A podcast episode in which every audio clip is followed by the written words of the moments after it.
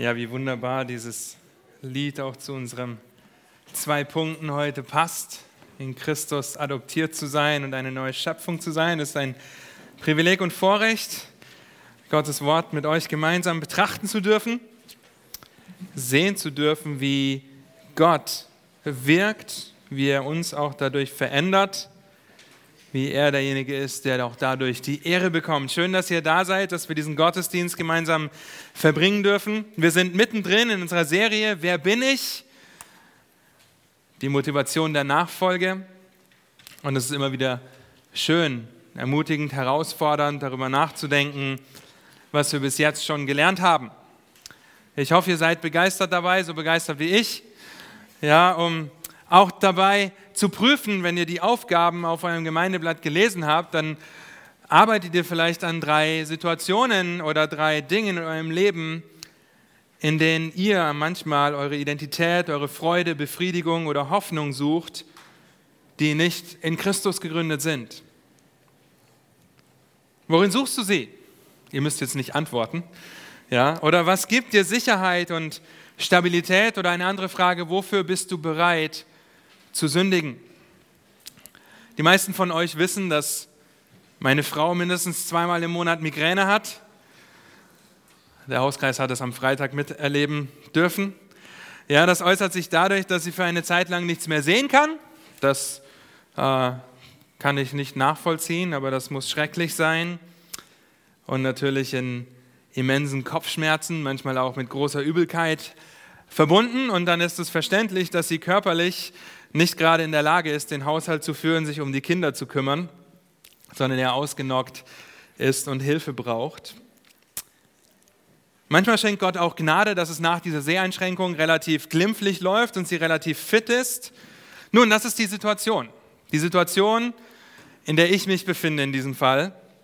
Denn für mich bedeutet das als liebender und leitender Ehemann, der ich sein möchte, die Kinder und den Haushalt zu übernehmen und es Miri zu ermöglichen, einfach Ruhe und Schlaf zu bekommen. Wie reagiere ich in diesen Momenten, in denen Miri mir sagt, ich bekomme Migräne oder in denen Anna kommt und sagt, Mama hat Migräne? Wie reagiere ich darauf? Und meine Reaktion ist nicht immer dieselbe. Ich darf lernen, mich unter Gottes mächtige Hand zu demütigen und meine erste Priorität, meine Familie wahrzunehmen, aber nicht immer gelingt es mir, das mit Freude zu tun, weil ich meine Freude, meine Hoffnung, meine Identität in diesem Moment in etwas Besserem haben will, was ich unbedingt fertig bekommen will. Nun, dieses Beispiel und auch die Tatsache, dass meine Frau am Freitag Migräne hatte. Sie hat Migräne zu dem Zeitpunkt gekriegt, als ich gerade die Predigt durchgearbeitet habe und dieses Beispiel hatte ich schon drin, bevor sie Migräne bekommen hat. Also hatte ich gleich die Möglichkeit zu lernen, wie ich darauf reagieren möchte. Denn diese Migräne kann plötzlich kommen. Und wenn ich das will, was ich in dem Moment will, dann werde ich anfangen, ungeduldig mit den Kindern zu sein, lieblos mit meiner Frau, weil ich vielleicht meine Predigt durcharbeiten wollte, weil ich vielleicht den Rasen mähen wollte, weil ich vielleicht lesen wollte oder sonst eine Beschäftigung, die ich gerne wollte. Und tatsächlich, wenn es in diesem Moment meine Hoffnung ist, meine Welt, die ich mir zusammengebaut habe, meine Wünsche, meine Vorlieben sind, mein Plan zu tun, mein Wille geschehe, mein Reich komme, zu meiner Herrlichkeit, dann handle ich dementsprechend. Aber durch Gottes Gnade darf ich auch lernen, liebevoll zu reagieren. Und da bin ich sehr dankbar, in dem Wissen zu wachsen, dass Gott alle Dinge zum Besten dienen lässt dass er mir eine Möglichkeit gibt, die Liebe Christi zu mir in meiner aufopferungsvollen Liebe zu meiner Frau und zu meinen Kindern wieder zu spiegeln. Durch Gottes Gnade darf ich dienen. Das bedeutet zum Beispiel, schnellstmöglich äh, den Tabletten hinterher zu springen, dass meine Frau ihre Medikamente bekommt oder für etwas zu essen zu sorgen, dass die Medikamente besser wirken, schnellstmöglich das Schlafzimmer vorzubereiten. Und das geht, dass ich das mit einer Freude tue, weil ich weiß, in Christus habe ich die Aufgabe, habe ich das Vorrecht, meiner Frau zu dienen. Gott schenkt Gnade, dass mir der liebevolle Umgang mit meinen Kindern gelingt, dass mir tatsächlich sogar gute Ideen kommen, was ich mit ihnen machen könnte, außer ins iPad zu starren. Nun, aber die Frage besteht immer darin, worin suche ich meine Hoffnung? Worin suche ich meine Stabilität? Worin suche ich meine Sicherheit? Was denke ich ist mein Reich, mein Wille? Da darf nichts dazwischen kommen. Und wie reagiere ich? Wie reagiere ich so häufig? Und ihr habt alle vielleicht diese Karte, vielleicht nicht, halt sie jetzt mal hoch, ich habe sie hier. Dieser Punkt der Entscheidung, wenn ihr es von hier nicht lesen könnt, dann nehmt euch hinten eine mit und lest in Ruhe durch, der uns zeigt, okay, entscheide ich mich für mein Reich oder für Gottes Reich? Für Gott oder für mich selbst? Für den Maßstab der Schrift oder den Maßstab meines Egos? Warum tue ich, was ich tue und wie reagiere ich in solchen Situationen? Nun, wie sieht das bei dir aus? Vielleicht hast du keine Frau, die Migräne hat. Vielleicht ist es dein Ehemann. Vielleicht ist es aber auch deine Arbeit, Gesundheit oder das Geld, was du siehst, wie es dir durch die Hände rinnt. Was machst du zu deiner Welt? Von wem oder von was würdest du sagen, ich kann nicht anders oder ich kann ohne es nicht und ich wäre am Boden zerstört, sogar bereit zu sündigen? Die Antwort auf diese Frage ist in diesem Moment das, worin du deine Identität suchst. Wie du eigentlich diese Frage beantwortest, wer bin ich? Weil sie die Motivation dafür bestimmt, wem oder was wir folgen, uns selbst oder Gott. Ist es Sorgen machen, Ruhe suchen, mangelnde Selbstbeherrschung oder Wut? Was geht in deinem Herzen vor, wenn du nicht bekommst, was du dir erhofft hast, was du dir gewünscht hast, was unbedingt passieren sollte? Wie reagierst du zum Beispiel, wenn deine Frau einen Unfall hat und den Rest ihres Lebens im Rollstuhl sitzt? Nun, wenn die Vorstellung einer funktionierenden Frau deine Welt ist, dann wirst du am Boden zerstört sein. Wie reagierst du, wenn du deinen Job verlierst oder den Job nicht bekommst, auf den du dich beworben hast, wenn deine Arbeit dich definiert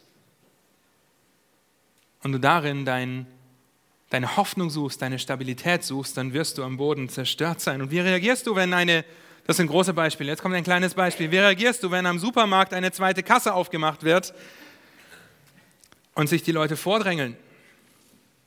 Wenn du unbedingt Erster sein wolltest, nun wirst du vielleicht nicht direkt am Boden zerstört sein, aber innerlich wütend werden oder vielleicht sogar das öffentlich zum Ausdruck bringen.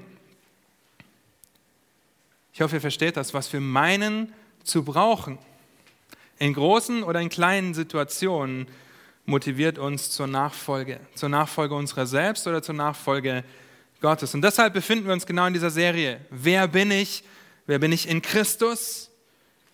Weil das Konsequenzen für unsere Nachfolge hat weil das Auswirkungen auf unser Leben hat. Und deshalb lernen wir auch 2. Korinther 5, Vers 17 bis 21 auswendig. Vielleicht habt ihr die Karten dabei, vielleicht braucht ihr sie nicht mehr, aber wir werden das alle zusammen aufsagen. Wir können auch dazu die Folie anschmeißen, wenn das schon da ist. Ja, dieser Vers, den wir versuchen zu lernen in dieser Predigtserie, der das so gut auf den Punkt bringt, über was wir gemeinsam reden. Lasst uns ihn alle aufsagen. Heute nur einmal und dann machen wir weiter. Ja? 2. Korinther 5, Vers 17 bis 21. Darum ist jemand in Christus, so ist er eine neue Schöpfung. Das Alte ist vergangen, siehe, es ist alles neu geworden. Das alles aber kommt von Gott, der uns mit sich selbst versöhnt hat durch Jesus Christus und das Dienst der Versöhnung gegeben hat. Weil nämlich Gott in Christus war und die Welt mit sich selbst versöhnte, indem er ihnen ihre Sünden nicht anrechnete und uns das Wort der Versöhnung in uns legte. Ja, so sind wir nun Botschafter für Christus. Und zwar so, dass Gott selbst durch uns ermahnt. So bitten wir nun stellvertretend für Christus, lasst euch versöhnen mit Gott. Denn er hat den, der von keiner Sünde wusste, für uns zur Sünde gemacht, damit wir in ihm zur Gerechtigkeit Gottes würden. Was für eine ermutigende Wahrheit. Ich hoffe, das prägt sich langsam ein, auch wenn euch das vielleicht schwerfällt, auswendig zu lernen. Aber vielleicht habt ihr einfach die Möglichkeit, euch diese Karten weiter anzuschauen. Wenn ihr noch keine habt, hinten liegen sie auch noch aus. Nun, heute wollen wir uns vor Augen führen, was es denn heißt, in Christus adoptiert zu sein und eine neue Schöpfung zu sein. Am Schluss möchte ich euch kurz zeigen, warum wir ausgerechnet diese drei Bereiche angeschaut haben. Auch letzte Woche damit begonnen, die Rechtfertigung anzuschauen, heute die Adoption und die Neuschöpfung. Warum das für uns so wichtig ist, auch für die nächsten beiden Wochen, die noch vor uns liegen. Aber bevor wir einsteigen, lasst mich noch beten, um dem Herrn auch diese Predigt anzubefehlen. Ja, Vater, deine Liebe ist so unbegreiflich groß. Und wir wissen nicht, wie wir leben könnten ohne dich. Und doch haben wir ähm, auch in der letzten Woche Situationen gehabt, erlebt, gesehen, wo wir versucht haben, ohne dich zu leben. Wo wir gesündigt haben, wo wir gefallen sind. Aber wir dürfen wissen, dass du der treue Gott bist, aus dessen Hand uns niemand reißen kann. Wir dürfen wissen, dass du der heilige Gott bist, der Sünde aber auch nicht dulden kann. Und so bete ich, dass dieser ja, dass die Predigt heute dazu dient, dass du unsere Herzen erforscht, dass du sie durchdringst wie ein zweischneidiges Schwert, denn dein Wort ist ein zweischneidiges Schwert, sogar noch schärfer als das. Ich bete, dass du überführst, dass du ermahnst, aber auch, dass du uns zeigst, wie wir es meinen, damit du geehrt wirst durch unser Leben, Herr. Schenk du Gnade zum Reden und zum Hören und habt du Dank für die Gemeinschaft, die du uns gibst. Amen. Ihr Lieben, ihr wisst dass die Adoption liegt mir oder meiner Frau und mir sehr am Herzen. Ebenfalls letzten Freitag haben wir eine neue Geburtsurkunde bekommen für unsere zweite Tochter, auf die wir lange, wir haben nicht auf die Tochter lange gewartet, sondern auf die Geburtsurkunde lange gewartet. Und es ist jedes Mal ein mit Freude erfüllter Gedanke, wenn wir über die Adoption unserer Kinder nachdenken, aber wenn wir das ausdehnen auf die Adoption in Christus darüber nachdenken, was es denn überhaupt bedeutet, in Christus adoptiert zu sein. Ich hätte die Geburtsurkunde mitbringen können. Ja, in, es ist so, dass tatsächlich es gibt eine alte Geburtsurkunde und es gibt eine neue Geburtsurkunde. In der neuen Geburtsurkunde steht als Vater drin Sam oder Samuel, Punkt, Punkt, Punkt, und als Mutter Miriam und als Tochter Laura. Das ist wunderbar. Gott hat uns um das auf Gottes Ebene zu bringen. Wir, wir können uns nicht mit Gott vergleichen, bei, ähm, beim besten Willen nicht. Aber letzte Woche haben wir gesehen, dass Gott uns gerechtfertigt hat, dass er uns freigesprochen hat, indem Christus für uns zur Sünde wurde und wir zur Gerechtigkeit würden in ihm. Wir sind aber nicht nur in der perfekten Gerechtigkeit Christi gekleidet, nein, noch viel mehr als das, wir sind in Gottes Familie adoptiert. Und Tatsache ist, dass das von Anfang an der Plan war. Von Anfang an. Und wer in der Gebetsstunde da war, der ist sehr gut darauf vorbereitet, auf das, was wir jetzt besprechen. Epheser 1, Vers 4 bis 6, da heißt es, wie er uns, also Gott, in ihm auserwählt hat vor Grundlegung der Welt, damit wir heilig und tadellos vor ihm sein in Liebe. Er hat uns vorherbestimmt zur Adoption. Bei euch steht vielleicht Sohnschaft für sich selbst durch Jesus Christus nach dem Wohlgefallen seines Willens zum Lob der Herrlichkeit seiner Gnade, mit der er uns begnadigt hat in dem Geliebten. Das haben wir gerade gesungen. Vor Grundlegung der Welt wusste Gott, wen er als seine eigenen Kinder adoptiert. Hyosthesia ist das griechische Wort, das hier mit Adoption oder Sohnschaft oder äh, auch Sohnesstellung übersetzt wird. Und ein Kommentar, der definiert dieses Wort Adoption oder Hyosthesia ja, folgendermaßen. Adoption bedeutet jemanden, der nicht dein Kind ist, förmlich und vor dem Gesetz zu deinem Kind zu machen, das ab jetzt wie dein eigenes Kind behandelt und versorgt wird. Das schließt alles mit ein, auch den Anspruch auf das Erbe. Zitat Ende. Und allein über dieses Zitat kurz nachzudenken, dass das alles mit einschließt, auch das Erbe, ist überwältigend. Ja, Im heutigen Deutsch würde man sagen, mind blown. Zum einen beinhaltet diese Adoption unser Erbe. Und hier dürft ihr mit mir Römer Kapitel 8 aufschlagen. Das ist eine von mehreren Stellen, die wir uns anschauen wollen, wenn es um die Adoption geht. Römer Kapitel 8. Dieses ganze Kapitel zeigt uns den Dienst auf in dem Heiligen Geist. Wir haben Römer Kapitel 5 letzte Woche betrachtet, in Adam und in Christus. Wir werden später noch Römer Kapitel 6 anschauen. Römer Kapitel 7 ist dann dieser Kampf zwischen dem, was ich will, das tue ich nicht und das, was ich tue, das will ich nicht tun, dieser Kampf im Fleisch. Und in Kapitel 8 kommt dann die Befähigung, der Ansporn, warum das möglich ist. Denn wir haben den Heiligen Geist. Es zeigt uns, dieses Kapitel zeigt uns den Dienst des Geistes in unserem Leben auf.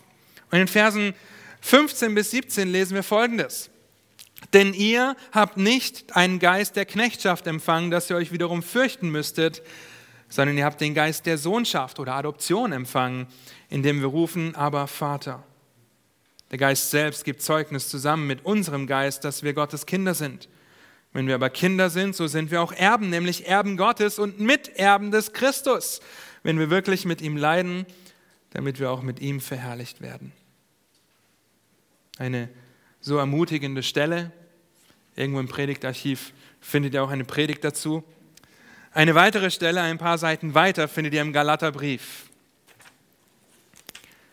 Im Galater Kapitel 3 und diese Stelle in Galater 3, die führt das noch weiter aus, was das denn bedeutet, was wir gerade in Römer 8 gelesen haben. Und ich lese ab Vers 25.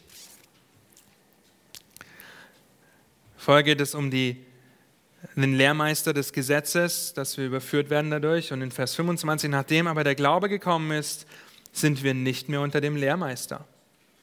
Denn ihr alle seid durch den Glauben Söhne Gottes in Christus Jesus. Denn ihr alle, die ihr in Christus hineingetauft seid, ihr habt Christus angezogen. Da ist weder Jude noch Grieche, da ist weder Knecht noch Freier, da ist weder Mann noch Frau. Denn ihr seid alle einer in Christus Jesus. Wenn ihr aber Christus angehört, so seid ihr Abrahams Same und nach der Verheißung Erben. Kapitel 4, Vers 1. Ich sage aber, solange der Erbe unmündig ist, besteht zwischen ihm und einem Knecht kein Unterschied, obwohl er der Herr aller Güter ist, sondern er steht unter Vormündern und Verwaltern bis zu der vom Vater festgesetzten Zeit. Ebenso waren wir auch wir, als wir noch unmündig waren, den Grundsätzen der Welt als Knechte unterworfen. Als aber die Zeit erfüllt war, sandte Gott seinen Sohn, geboren von einer Frau und unter das Gesetz getan, damit er die, welche unter dem Gesetz waren, loskaufte, damit wir die Sohnschaft empfingen. Weil ihr nun Söhne seid, hat Gott den Geist seines Sohnes in eure Herzen gesandt, der ruft, aber Vater. So bist du also nicht mehr Knecht, sondern Sohn. Wenn aber Sohn, dann auch Erbe Gottes durch Christus. In Christus sind wir adoptiert. Paulus spricht von Söhnen oder Sohnschaft. Ja, und versteht das nicht falsch. Paulus ignoriert nicht die Frauen und sagt hier, dass nur Männer gerettet werden können. Dann wären wir hier beträchtlich weniger Leute. Ja, wenn ich gucke, wie wenig Männer hier sitzen. Es wird deutlich, dass das nicht der Fall ist, denn er schreibt vorher, haben wir gerade gelesen, da ist weder Jude, Grieche, Knecht, freier Mann oder Frau. Alle diese Kategorien sind in der Sohnschaft erhalten oder enthalten. Also warum benutzt er dieses Wort Sohn und Sohnschaft und nicht einfach Kinder und Adoption? Nun, weil es Paulus um einen ganz bestimmten Punkt ging, den er seiner damaligen Empfängerschaft sehr deutlich vor Augen halten wollte. In der damaligen Zeit war es nämlich so, dass nur die männlichen Nachkommen berechtigt waren zu erben. Paulus erhebt die Frauen also auf denselben Stand wie die Männer, die Knechte auf dieselben Stand wie die Herren, wenn es darum geht, in Christus adoptiert zu sein. Heute adoptieren wir ein Baby oder ein Kleinkind. Damals würde ein Mann einen erwachsenen Mann adoptieren, damit der Familienname und das Erbe weitergeführt wird. Also ein großer Unterschied. In der jüdischen Kultur war es die Anerkennung, dass ein Mann der zur Mannesreife gekommen ist, adoptiert wird, damit die Autorität und die Ressourcen des Adoptivvaters an ihn übergehen. Also es geht um ein Fortführen dessen, was hinterlassen wird. Ein Fortführen des Erbes. Das heißt, der Punkt, den Paulus machen will, ist einfach. Wir sind alle Erben Gottes, dadurch, dass wir Kinder Gottes sind. Heute verstehen wir das vielleicht nicht in dem Ausmaß wie damals, weil unsere Kultur ein Erbe nicht mehr so hoch ansieht. Man kann auch Schulden erben, weil sich unsere Umstände so sehr verändert haben, dass unsere Existenz nicht von einem Erbe abhängt. Und so war die Adoption damals ein absolut lebensveränderndes Ereignis. Rausgelöst zum Großteil aus der Armut von der Straße, rausgelöst aus den Herausforderungen, die das Leben mit sich bringt, sie zu meistern und hineingenommen in den Haushalt einer wohlhabenden Person mit dem Ziel, all das zu bekommen, was die Person hat, in, dessen Haus, in deren Haushalt ich jetzt bin. Also ein sehr starker Kontrast, ein sehr großer Widerspruch schon fast. Und deshalb können wir singen, O Gnade Gottes wunderbar, hast du erlöset mich. Ja, im Englischen, who, who saved a wretch like me, also der ein Sünder wie mich errettet hat. Das ist ein krasser Gegensatz. Und das wollte Paulus bewusst machen. Und das ist unsere Adoption, ein, ein gewaltiger Gegensatz, Erben des lebendigen Gottes zu sein, was eine ewige Zukunft und ein ewiges Erbe mit sich bringt. Und dieses Erbe, diese Zukunft wäre für uns niemals möglich gewesen, hätte Gott nicht diesen Weg bereitet. Hätte er nicht diesen Schritt gewählt und seinen Sohn auf diese Erde gesandt, um für uns am Kreuz zu sterben. Mich und du, wir wissen aber auch zu gut, dass diese Adoption noch nicht komplett zum Vorschein geht, kommt. Ja, wir haben dieses Erbe schon angetreten in dem Moment unserer Errettung, aber noch nicht komplett. Wir leben in einer gefallenen Welt, wir sündigen, an uns wird gesündigt, aber eines Tages, die Hoffnung haben wir, werden wir dieses Erbe antreten, eine Ewigkeit ohne Sünde, ohne Leid, ohne Tränen, ohne dass jemand an uns sündigt, in der ewigen, ewigen Gegenwart unseres Vaters, unseres Vaters, der uns liebt. Und deshalb geht es, wenn ihr zurückblättert zu Römer 8, auch weiter mit dieser Hoffnung dieses Erbes. Und wir haben das heute ähm, vorhin auch schon in der Gebetsstunde gelesen, in Epheser, ja, diese, diese Erkenntnis zu haben, für die Paulus betet, dass sie erkennen, was diese Hoffnung ist. Römer 8, Vers 18, direkt im Anschluss. Denn ich bin überzeugt, dass, der, dass die Leiden der jetzigen Zeit nicht ins Gewicht fallen gegenüber der Herrlichkeit, die an uns geoffenbart werden soll. Die Herrlichkeit, die an uns geoffenbart wird, das ist das Erbe, das wir antreten werden. Hoffnung beginnt aber mit Leid. Das seht ihr in Vers 17. Wir leiden mit ihm. Die meisten Gläubigen müssen leiden. Ja, weil gefallene Welt, wir sündigen selber noch, wir leiden unter unserer eigenen Sünde, wir leiden unter der Sünde anderer an uns. Wir leiden vielleicht aufgrund von körperlicher Einschränkungen, aufgrund dessen, dass wir in Verruf gebracht werden, dass wir unsere Arbeit verlieren, dass wir eine Krankheit bekommen. Und deshalb braucht der Mensch Hoffnung. Deshalb brauchen wir Hoffnung, Hoffnung auf ein Erbe, das für uns bereitgehalten wird, auf ein Erbe, das wir antreten werden. Und diese Hoffnung ist keine vage Vermutung. Okay, ob das, was hier wirklich steht, auch eventuell hoffentlich eintritt, so wie wir auf gutes Wetter hoffen. Nein, ihr Lieben, Hoffnung ist die feste Gewissheit, und wie Paulus hier schreibt, die Überzeugung, dass das, was Gottes Wort sagt, ganz bestimmt eintreten wird. Und das gibt uns Kraft, das macht uns Mut, wenn wir leiden, wenn wir in Situationen stehen, die nicht einfach sind, und ihr alle könnt bestimmt Situationen in eurem Leben aufzählen. Vielleicht befindet ihr euch gerade in einer Situation, wo ihr leidet, wo ihr heraus, gefordert seid. Es gibt uns Kraft, eine Hoffnung zu haben, eine Überzeugung zu haben, dass ein Erbe für uns bereitgehalten wird, eine Herrlichkeit an uns geoffenbart werden soll. Es gibt uns Hoffnung, weil wir wissen, dass Christus wiederkommt, weil wir wissen, dass uns alle Dinge zum Besten dienen, weil wir wissen, dass wir einen hohen Priester haben, der für uns im Gebet eintritt, weil wir wissen, dass wir zum Thron der Gnade kommen können und weil wir wissen, dass das hier und jetzt nicht die Ewigkeit ist. Hoffnung ist die feste Gewissheit und Überzeugung, dass Gottes Verheißungen wahr sind und eintreten werden. Manchmal fühlen wir uns nicht danach. Ja, ich fühle mich bestimmt manchmal oder häufig auch nicht danach. Aber das Wissen darum spornt mich an. Ich möchte nicht meinen Gefühlen folgen, dann bin ich ein Fähnchen im Wind. Ihr alle wisst das, himmelhoch jauchzend, zu Tode betrübt. Alles innerhalb von zwei Minuten. Nein, wir haben eine feste Gewissheit, an die wir uns klammern können, etwas, was eintreten wird, das wir uns vor Augen führen können. Und weil wir diese Verheißungen haben, weil wir Vers 18 haben in Römer Kapitel 8, können wir sehen, dass jedes Leid der jetzigen Zeit, ob das Krankheit ist, ob das ein langer Krankenhausaufenthalt ist, ob das Schmerz ist, der dir zugefügt wurde, wenn an dir gesündigt wurde, dass das nicht einmal eine kleine Feder ist, wenn es um die Herrlichkeit geht, die vor uns liegt. Wir können uns diese Herrlichkeit nicht vorstellen, weil sie mehr wert ist, schwerer wiegt als alles Gold der Welt zusammengenommen. Wenn ihr das vergleicht, wenn ihr eine Feder auf der einen Seite habt und alles Geld der Welt in die andere Waagschale fallen lasst, was passiert mit der Feder? Die ist auf einmal weg.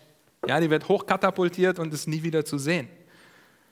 Das bedeutet es, wenn wir gewiss sein dürfen, dass die Leiden der jetzigen Zeit nicht ins Gewicht fallen gegenüber der Herrlichkeit, die an uns geoffenbart werden soll. Paulus geht es aber auch nicht darum, Schmerz oder Leid oder Sünde zu minimieren. Auf gar keinen Fall. Versteht das nicht, dass wir jetzt hier sagen, oh, beiß einfach die Zähne zusammen. Nein. Ein paar Kapitel weiter schreibt er, dass wir mit den Weinen weinen sollen, mit den Weinenden weinen sollen. Wir sollen uns umeinander kümmern, uns anspornen zu Liebe und zu guten Werken, schreibt der Schreiber des Hebräerbriefs. Wir sollen einander die Lasten tragen, schreibt Paulus in Galater 6.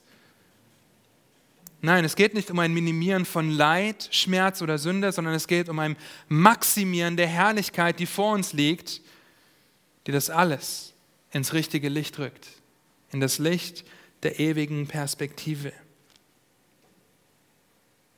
Ihr Lieben, das ist ein Punkt, was es heißt, adoptiert zu sein, ein Erbe zu haben, das für uns aufbewahrt ist, weil wir versiegelt sind mit dem Heiligen Geist und wir wissen, dass wir dieses Erbe antreten werden und diese Hoffnung darauf hin zu haben, die uns Kraft gibt, durch Christus, in Christus, auch in der Heiligung voranzugehen. Und lest wirklich, wenn ihr nicht in der Gebetsstunde wart, lest das Gebet in Epheser 1, Vers 15 bis 20, weil das bringt genau das zum Ausdruck, wovon wir hier sprechen. Der zweite Aspekt, der dem ganzen Volk, dass wir ein Erbe haben, ist aber nicht nur, dass wir irgendwann in der Zukunft mal ein Erbe haben, sondern dass das jetzt schon Auswirkungen auf unser Leben hat, auf dein Leben, auf mein Leben, was es bedeutet, adoptiert zu sein. Wir fürchten uns nicht mehr vor Gott, dem Richter, sondern können rufen, aber Vater.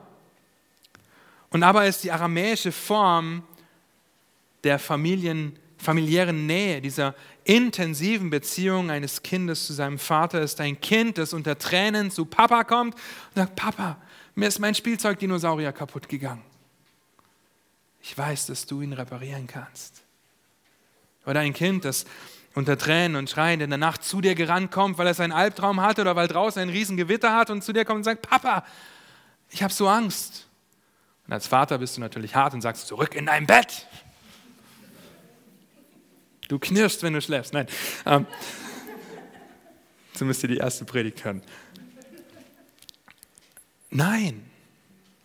Ein Vater, der sein Kind liebt, wird seine Decke hochheben, seinen Arm ausbreiten und wird sein Kind zu sich nehmen.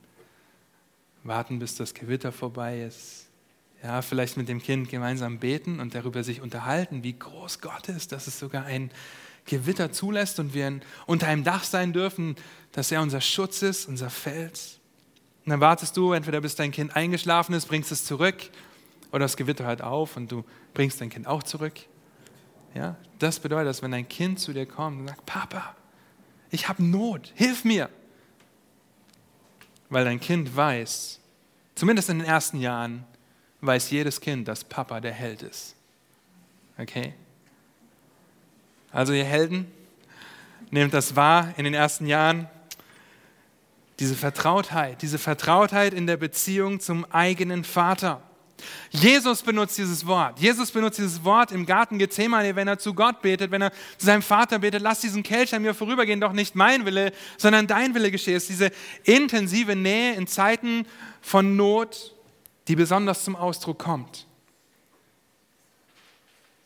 Und weil Paulus an die griechische Empfänger oder an die griechisch sprechende äh, und römische Kultur schreibt, fügt er dieses Wort Pater hinzu, was denselben Ausdruck in der anderen Sprache mit sich bringt.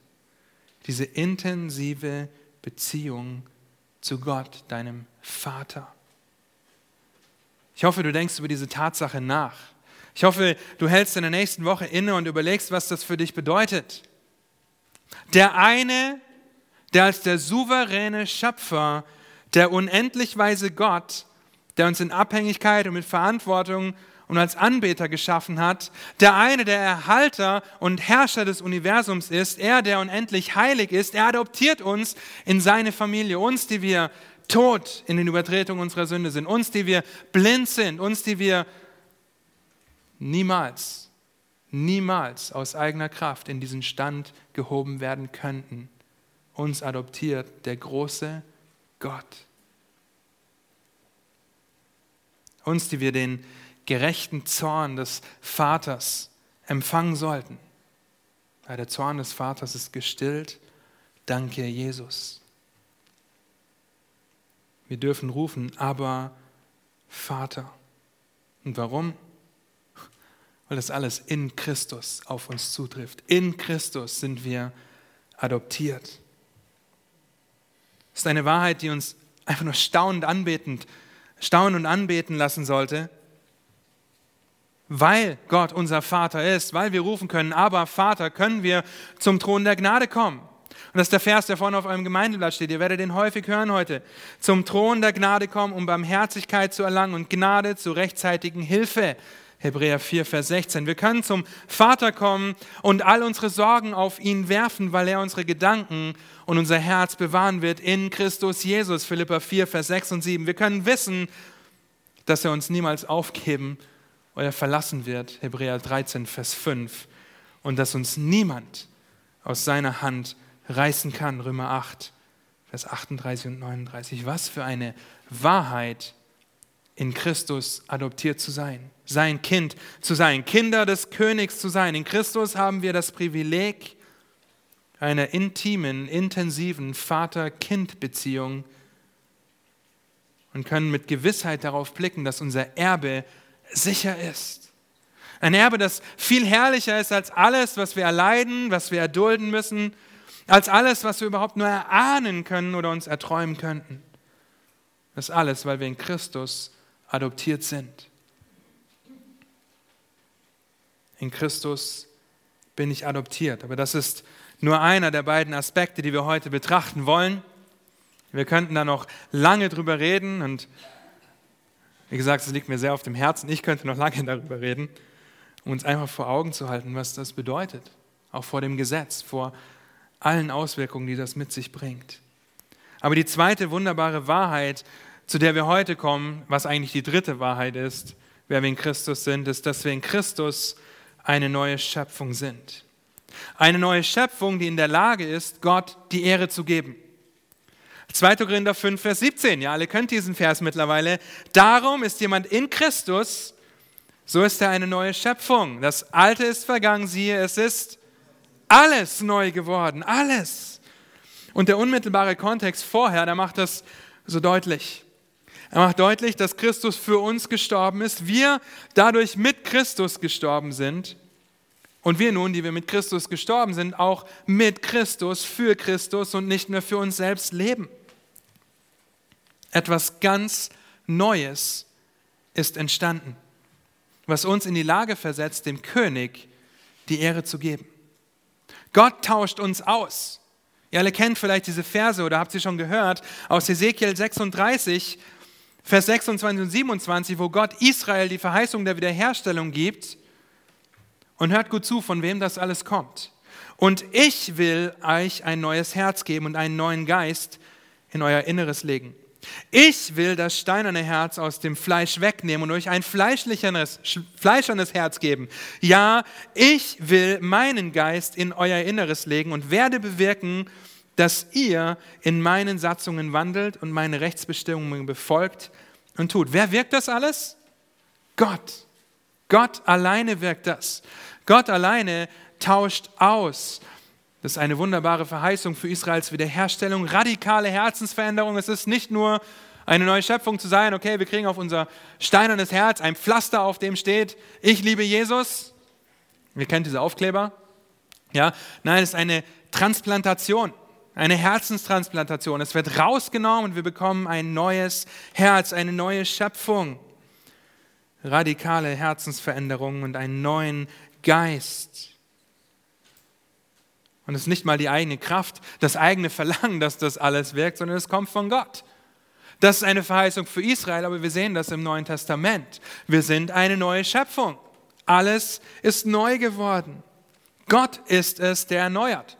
Darum ist jemand in Christus, so ist eine neue Schöpfung. Das Alte ist vergangen, siehe, es ist alles neu geworden. Wie geht es weiter? Das alles aber kommt aus meiner Kraft, richtig? Nein, das alles aber kommt von Gott. Gott ist es, der das gibt. Er ist derjenige, der diese Verheißung auch für sein Volk in der Zukunft zur Erfüllung bringen wird, weil es von ihm kommt.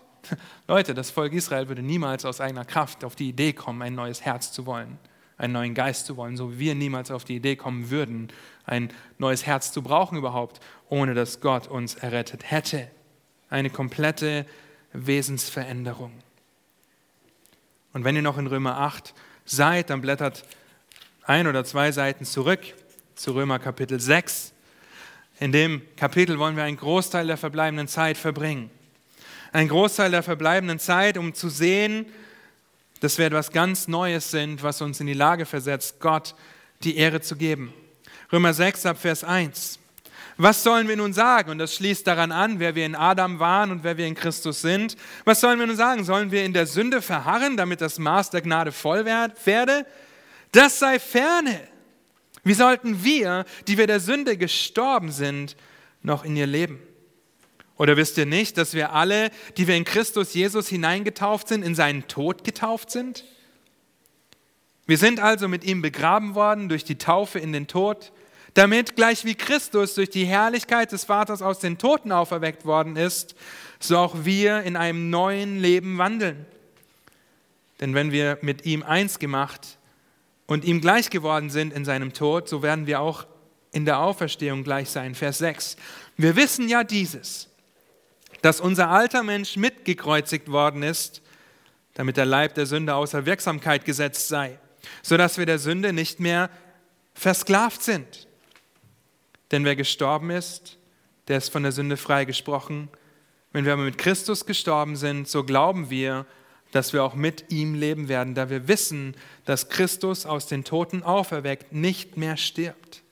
Der Tod herrscht nicht mehr über ihn, denn was er gestorben ist, das ist der der Sünde gestorben, ein für alle Mal. Was er aber lebt, das lebt er für Gott. Erstmal bis hierher. Nun, wenn ihr aufmerksam mitgelesen habt, dann zeigt Paulus ganz deutlich auf, dass wir etwas ganz Neues sind. Überleg mal, an anderen Stellen werden wir als geistlich tot, blind und auch verhärtet beschrieben, bis zu dem Zeitpunkt unserer Errettung. Dann werden wir geistlich lebendig, sehend und erweicht. Etwas ganz Neues. Nun, was hat der Tod mit dem Leben zu tun? Was die Blindheit mit dem Sehen und was das Harte mit dem Weichen? Leute, das sind Gegensätze, die sich ausschließen. Das sind Gegensätze, die sich ausschließen. Ich kann nicht tot und lebendig gleichzeitig sein. Ja, ich kann nicht blind und sehend gleichzeitig sein. Ihr könnt Rebecca dazu fragen. Ja, sie arbeitet mit blinden oder stark sehbehinderten Kindern. Es ist unmöglich. Es, Man kann es nicht in einen Topf bringen. Ich kann nicht weich und hart gleichzeitig sein. Sein Zustand, der ist unmöglich. Es sind Gegensätze, die sich ausschließen. Mit anderen Worten habt ihr bestimmt auch schon von einflussreichen Leuten gehört, die in irgendeinem großen Unternehmen arbeiten und dann abgeworben werden, durch eine hohe Ablösesumme freigekauft werden und in einem anderen Unternehmen arbeiten. Die Arbeit wechseln. Ein neuer Arbeitgeber, der mit dem alten Arbeitgeber nichts mehr zu tun hat. Ein neues Gebäude, ein neuer Schreibtisch, ein besseres Gehalt, ein neuer Boss. Und ich benutze den Arbeitnehmer hier und den Arbeitgeber, weil das das ist, wenn Paulus davon spricht, Sklaven zu sein, versklavt zu sein, weil damals ein anderes Verständnis dessen da war. Wir sind losgekauft, von dem einen hin zu dem anderen. Es schließt sich aus, dass wir zurück können oder gehen. Und ihr lieben Gott hat uns nicht durch ein höheres Gehalt oder eine Ablösesumme freigekauft, sondern durch sein teures Opfer. Die Summe für deine Ablösung aus der Sklaverei der Sünde war der blutige Tod Jesu am Kreuz, der uns losgelöst hat von unserem alten Arbeitgeber. Was das mit sich bringt, ist dieser zweite Punkt auf euren Handout, dass wir Gott dienstbar werden, dass wir Gott die Ehre geben können. Das bringt diese Neuschöpfung mit sich. Paulus macht das weiter deutlich, Vers 11. Also auch ihr, Haltet euch selbst dafür, dass ihr für die Sünde tot seid, aber für Gott lebt in Christus Jesus, unserem Herrn. So soll nun die Sünde nicht herrschen in eurem sterblichen Leib, damit ihr der Sünde nicht durch die Begierden des Leibes gehorcht. Gebt auch nicht eure Glieder der Sünde hin als Werkzeuge der Ungerechtigkeit, sondern gebt euch selbst Gott hin, als solche, die lebendig geworden sind aus den Toten und eure Glieder Gott als Werkzeuge der Gerechtigkeit. Denn die Sünde wird nicht herrschen über euch, weil ihr nicht unter dem Gesetz seid, sondern unter der Gnade. Wenn wir einen neuen Arbeitgeber haben, dann arbeiten wir auch für ihn, geben ihm die Ehre, indem wir das tun, was er von uns möchte. Ich kann nicht in, einem, in einer Kindertagesstätte arbeiten und die Kinder so behandeln wie die Pakete bei UPS. Das wäre schlimm. Etwas völlig anderes. Wenn Paulus hier schreibt in Vers 11, haltet euch selbst dafür, dass ihr der Sünde tot seid, dann spricht es von einem gewissenhaften, bewussten Nachdenken darüber, wie man etwas in die Tat umsetzt. Das heißt, diese Wahrheit, in Christus etwas ganz Neues zu sein, hat Auswirkungen auf dein Leben und auf mein Leben. Hoffentlich. Es verändert unseren Dienst, unsere Ehre, unsere Ehrerbietung komplett. Gott verändert uns komplett, macht uns zu einer neuen Schöpfung und befähigt uns dazu, ihm die Ehre zu geben. Selbst im Leid, im größten Leid, können wir anderen ein Zeugnis sein, dass wir für etwas Größeres, für etwas Besseres, für Gott leben und nicht für uns selbst.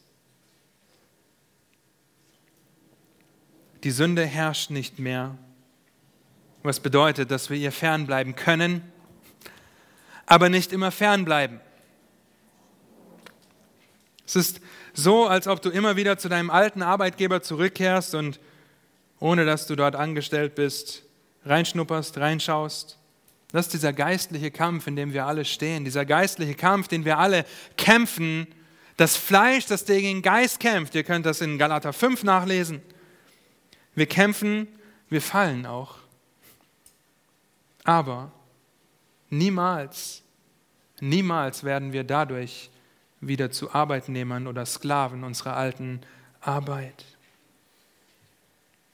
Man könnte diese Neuschöpfung auch mit einer kompletten Neuschöpfung vergleichen, ohne dass ich jetzt an die Evolutionstheorie glaube.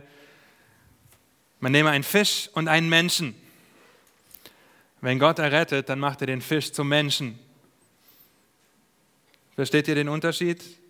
Ein Fisch hat Kiemen, atmet Wasser. Ein Mensch hat eine Lunge und atmet Luft. Ein Fisch kann niemals an Land bestehen und ein Mensch niemals unter Wasser. Und dennoch in unserer Sünde, die wir tagtäglich tun, in der wir uns überführt werden müssen in der wir Buße tun müssen, springen wir immer wieder in diese Kloake und versuchen die Luft so lange wie möglich anzuhalten. Nun, deshalb werden wir noch lange nicht wieder zu einem Fisch. Gott sei Dank, weil das alles von Gott kommt, dass wir eine neue Schöpfung sind. Das alles kommt von Gott, der diesen Ausweg für die Sünde bereithält, dass wir auch heute noch Buße tun können, dass das Kreuz, das Evangelium nicht nur für unsere Rettung gut war, sondern für unseren täglichen Lebenswandel, weil wir uns vor Augen führen, wer wir in Christus sind. Wessen Werkzeug, wessen Werkzeug bist du? Bist du ein Werkzeug der Sünde zur Ungerechtigkeit, zum Verderben? Oder bist du ein Werkzeug des lebendigen Gottes? Römer 6, Vers 15 geht es weiter. Wie nun? Dieselbe Frage noch einmal. Sollen wir sündigen, weil wir nicht unter dem Gesetz, sondern unter der Gnade sind? Das sei ferne. Wisst ihr nicht, wem ihr euch als Sklaven hingebt, um ihm zu gehorchen, dessen Sklaven seid ihr und müsst ihm gehorchen, es sei der Sünde zum Tode oder dem Gehorsam zur Gerechtigkeit? Vers 17, ein so wichtiger Vers. Gott aber sei Dank, dass ihr Sklaven der Sünde gewesen nun aber von Herzen gehorsam geworden seid, dem Vorbild der Lehre, das euch überliefert worden ist oder die euch überliefert worden ist. Nachdem ihr aber von der Sünde befreit wurdet, nicht aus eigener Kraft, noch einmal, seid ihr der Gerechtigkeit versklavt worden oder dienstbar geworden. Ich muss menschlich davon reden wegen der Schwachheit eures Fleisches, denn so wie ihr einst eure Glieder in den Dienst oder die Sklaverei der Unreinheit und der Gesetzlosigkeit gestellt habt, zur Gott Gesetzlosigkeit, so stellt jetzt eure Glieder in die Sklaverei oder den Dienst der Gerechtigkeit zur Heiligung. Denn als ihr Sklaven der Sünde wart, da wart ihr frei gegenüber der Gerechtigkeit. Welche Frucht hattet ihr da nun damals von den Dingen, deren ihr euch jetzt schämt? Ihr Ende ist ja der Tod. Jetzt aber, da ihr von der Sünde frei und Gott dienstbar geworden seid, habt ihr als Frucht die Heiligung, als Ende aber das ewige Leben.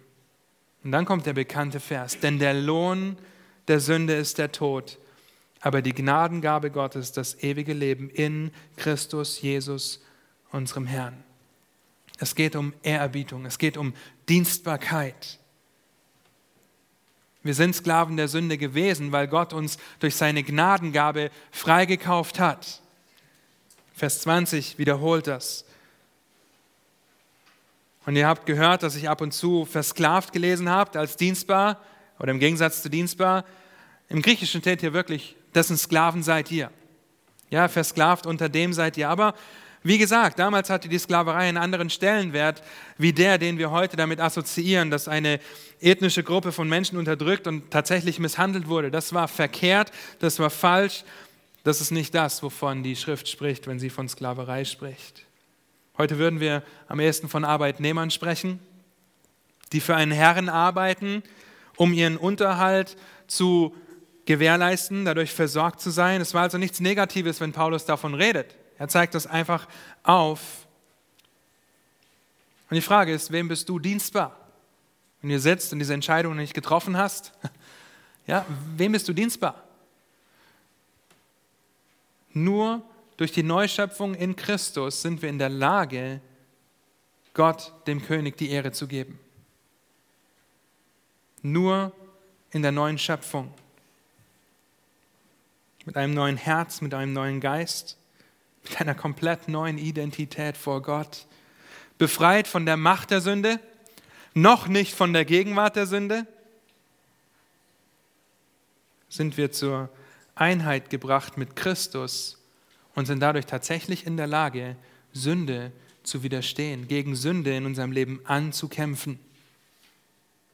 Luther hat das treffend gesagt, wenn er diese Auseinandersetzung mit Erasmus hatte über den unfreien Willen des Menschen, eine lesenswerte Abhandlung. Leute, ihr Lieben, ein Gläubiger hat einen freien Willen zu sündigen. Und das wisst ihr alle. Wir springen alle zurück ins Wasser, in die Kloake, versuchen die Luft anzuhalten, weil wir unbedingt das wollen, was wir haben wollen in diesem Moment. weil wir die Ewigkeit aus dem Auge verlieren und uns nur um uns selbst drehen. Aber wenn wir sündigen, dann gibt es Hoffnung. Hoffnung, dass wir zum Kreuz kommen können, denn all meine Sünden sind in Christus vergeben. Hoffnung, weil wir in Christus auch adoptiert sind. Meine Lieben, wenn meine Tochter ungehorsam ist, was sie ganz selten ist, fast nie, ja, dann ist sie nicht gleich nicht mehr meine Tochter. Das sei ferne. Okay, absolut ferne. Und Gott ist ein liebender Vater, ein weitaus liebender Vater als den besten Vater, den man sich auf dieser Erde vorstellen kann. Vielleicht denkt ihr, mein Vater war schon der Beste. Wie viel besser muss Gott sein? Vielleicht denkst du aber auch, mein Vater war ein Tyrann. Nun, dann sei dir dessen bewusst, dass Gott, der Vater, kein Tyrann ist, sondern der Vater, der mit offenen Armen dasteht, zu dem wir kommen können, zum Thron der Gnade, aber Vater und ihn ehren können, weil wir zu Königskindern gemacht sind. Nun, aber was können wir daraus lernen? Wie beantwortet das alles diese Frage, wer bin ich in Christus? Was bringt mir das? Warum schauen wir uns ausgerechnet die Rechtfertigung, Adoption und Neuschöpfung an? Und hier ist das große Bild und vielleicht funktioniert das, vielleicht nicht, dann dürft ihr die nächste Folie machen, das sieht euch am Kasten. Das große Bild, das euch auf die nächsten beiden Wochen vorbereitet. Denn das, was wir die letzten drei Sonntage gemacht haben, heute eingeschlossen, das bereitet uns auf das vor, was wir die nächsten beiden tun werden. Mal schauen. Findet ihr die Folie? Mit den drei Punkten? Jawohl. Ja, wie passt das alles zusammen? Nun, ich habe versucht, das folgendermaßen zusammenzufassen. Durch die Rechtfertigung in Christus vergibt Gott, der Richter, uns die Schuld. Das haben wir letzte Woche betrachtet. Durch die Adoption in Christus nimmt Gott, der Vater, uns als Kinder an. Und durch die Neuschöpfung in Christus stellt Gott, der König, uns in seinen Dienst. Denkt darüber nach. Wenn wir diese drei Bereiche zusammennehmen, dann wird das die nächsten zwei Wochen, äh, für die nächsten zwei Wochen eine gute Vorbereitung sein, wenn wir uns damit beschäftigen, was es heißt, ein Botschafter zu sein für Christus, in Christus und was es heißt, was die Heiligung ist, was sie bedeutet, wie wir in unserer Heiligung wachsen können. Das müssen wir im Hinterkopf behalten dafür, dass in unserer Rechtfertigung Gott der Richter uns vergibt, durch die Adoption in Christus Gott der Vater uns als Kinder annimmt und durch die Neuschöpfung in Christus uns Gott in seinen Dienst stellt, weil er der König ist. Mit anderen Worten sind wir gerechtfertigte Königskinder. Diese drei Bereiche gehören unwiderruflich zusammen. Man kann nicht sagen, okay, jetzt bin ich gerechtfertigt in Christus vor Gott dem Richter und jetzt warte ich mal auf meine Adoption. Ja? Irgendwann kriegst du vielleicht ein Zertifikat, Nein, natürlich nicht, ja, und wartest dann darauf, dass du eine neue Schöpfung wirst. Ja, irgendwann dann in der Ewigkeit, in der Herrlichkeit werde ich zu einer neuen Schöpfung. Nein, das passiert alles in einem Moment. Es ist untrennbar miteinander verbunden und dennoch sehen wir die Konzepte einzeln aufgeführt und können sie uns einzeln vor Augen führen, was es bedeutet, in Christus zu sein. Was das bedeutet und dann auch nächste Woche, was das für Auswirkungen hat. Und wenn wir uns allein diese drei Punkte vor Augen führen, dann können wir uns vor Augen stellen, okay, wie reagiere ich, wenn meine Frau Migräne hat? Reagiere ich als ein gerechtfertigtes, adoptiertes, neu, neues Wesen in Christus? Oder reagiere ich als der Sam, der nur seinen eigenen Willen will und nicht kriegt, in diese Kloake springt und bereit ist zu sündigen, um das zu bekommen, was er will? Wie reagiere ich, wenn ich eine Beziehung habe, die in die Brüche geht oder eine Beziehung, die ähm, wirklich meine Geduld auf die Probe stellt, die mich herausfordert? Vielleicht sind deine Kinder ungläubig. Vielleicht sind deine Kinder noch so klein, dass sie viel Aufmerksamkeit brauchen, weil sie sonntags vor dem Gottesdienst nicht in die Pette kommen, sich die Schuhe anzuziehen oder das Essen nicht vernünftig essen oder einfach rebellieren. Wie reagierst du? Darüber werden wir in den nächsten Wochen reden. Wir haben einen Richter, wir haben einen Vater und wir haben einen König. Und all das geschieht in dem Moment, in dem wir errettet werden, indem du deine Knie beugst, indem du die Schuld und Christi Opfer anerkennst. Ah, die, deine Schuld und Christi Opfer anerkennst, dass er für dich am Kreuz gestorben ist. Glaube dem Evangelium. Das wird Auswirkungen haben auf dein Leben. Und dennoch fallen wir. Und dennoch fallen wir, auch wenn wir gläubig sind. Das, dennoch sündigen wir, weil wir eine neue Schöpfung sind, aber noch nicht verherrlicht sind. Das wird alles noch kommen. Diese Hoffnung, die vor uns liegt. Und weil wir das jetzt schon sind, was wir noch nicht sind, kompliziert, wir reden da nächste Woche drüber, können wir durch Gottes Gnade daran arbeiten, weniger zu sündigen. Uns zu entscheiden, nicht zu sündigen, weil Gott das gute Werk in uns angefangen und auch vollenden wird. Ich möchte dir sechs Fragen zur Selbstprüfung stellen. Vielleicht schreibt ihr euch die ab, fotografiert. Ich weiß nicht, wie schnell ihr schreiben könnt. Ja, sechs Fragen zur Selbstprüfung, denn wir müssen uns prüfen. 2. Korinther 13, Vers 5 sagt er, prüft euch selbst, ob ihr im Glauben seid. Okay? Und einige Fragen, die dir einfach dabei helfen. Eigentlich ist es immer dieselbe Frage, ihr müsst nur ein Wort jedes Mal wechseln. Was ist deine Einstellung Gott gegenüber? Erkennst du deine Abhängigkeit, deine Verantwortung vor ihm? Und erkennst du das an und bist fröhlich darüber, bist dankbar dafür? In jeder Situation deines Lebens, okay, nicht nur in den schönen Tagen. Was ist deine Einstellung gegenüber der Sünde? Hast du die Sünde oder duldest du die Sünde in deinem Leben? Wir alle würden wahrscheinlich sagen, wir hassen die Sünde. Ja, und wir möchten Werkzeuge der Gerechtigkeit sein. Aber wo duldest du Sünde in deinem Leben? Was ist deine Einstellung Christus gegenüber? Vertraust du darauf, dass er für deine Sünde am Kreuz gestorben und am dritten Tag auferstanden ist? Bekennst du ihn mit deiner Zunge und glaubst an ihn in deinem Herzen? Was ist deine Einstellung der Schrift gegenüber?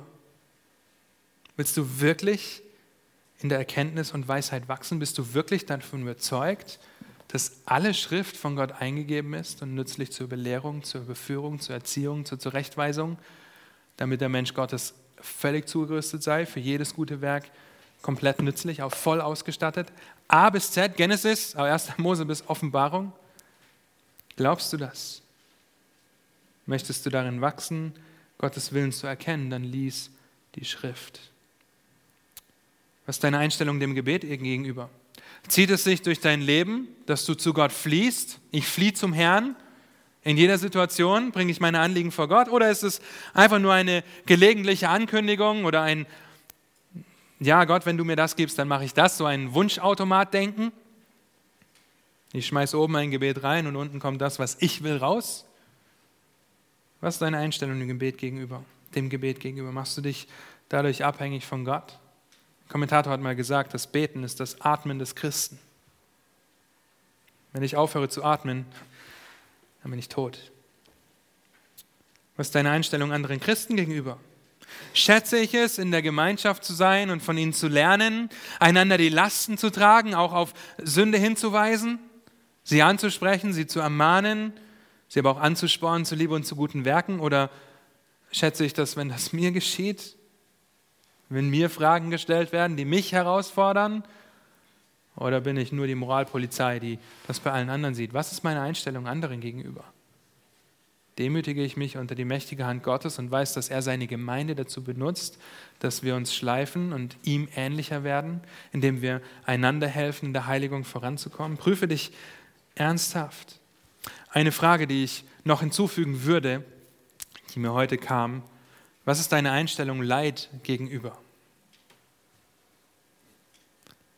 Warum Leid?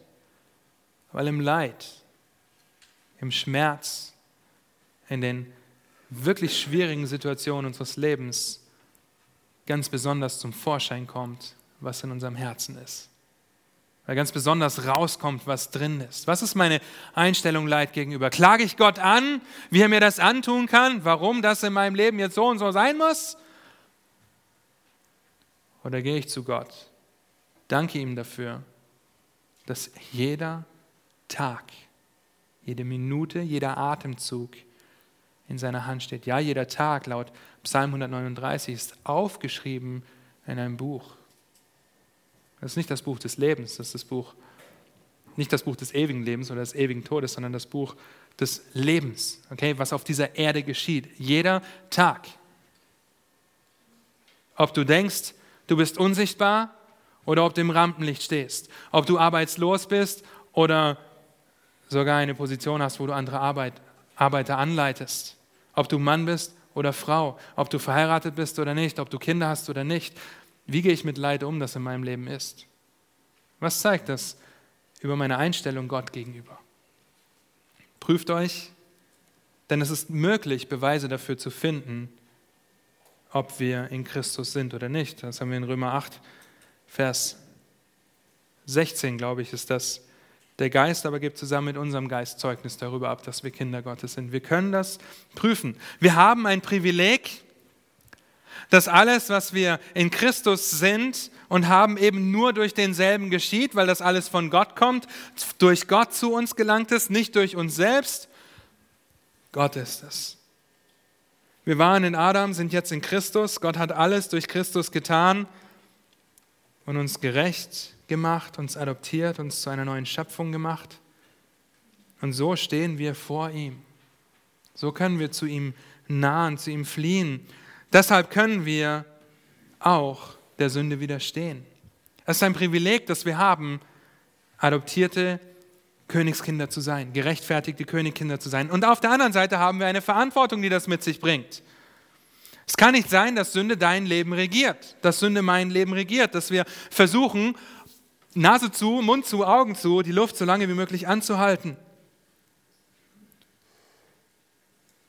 Denn wenn wir der Sünde die Überhand gewähren, dann betrüben wir den Heiligen Geist. Dann müssen wir uns tatsächlich hinterfragen, habe ich das Evangelium verstanden? Und wenn wir das verstanden haben, das Erste, was wir machen, ist, wir fliehen zum Kreuz. Ich fliehe zum Herrn. Ich fliehe zu ihm, weil er meine Sünde und meine Schuld am Kreuz getragen hat. Weil Christus mich durch sein kostbares Blut losgekauft hat. In Christus sind wir gerechtfertigte Königskinder. Und das bereitet uns darauf vor, was das jetzt für uns bedeutet, dass wir Botschafter sind und dass wir unsere Heiligung vorankommen müssen. Amen.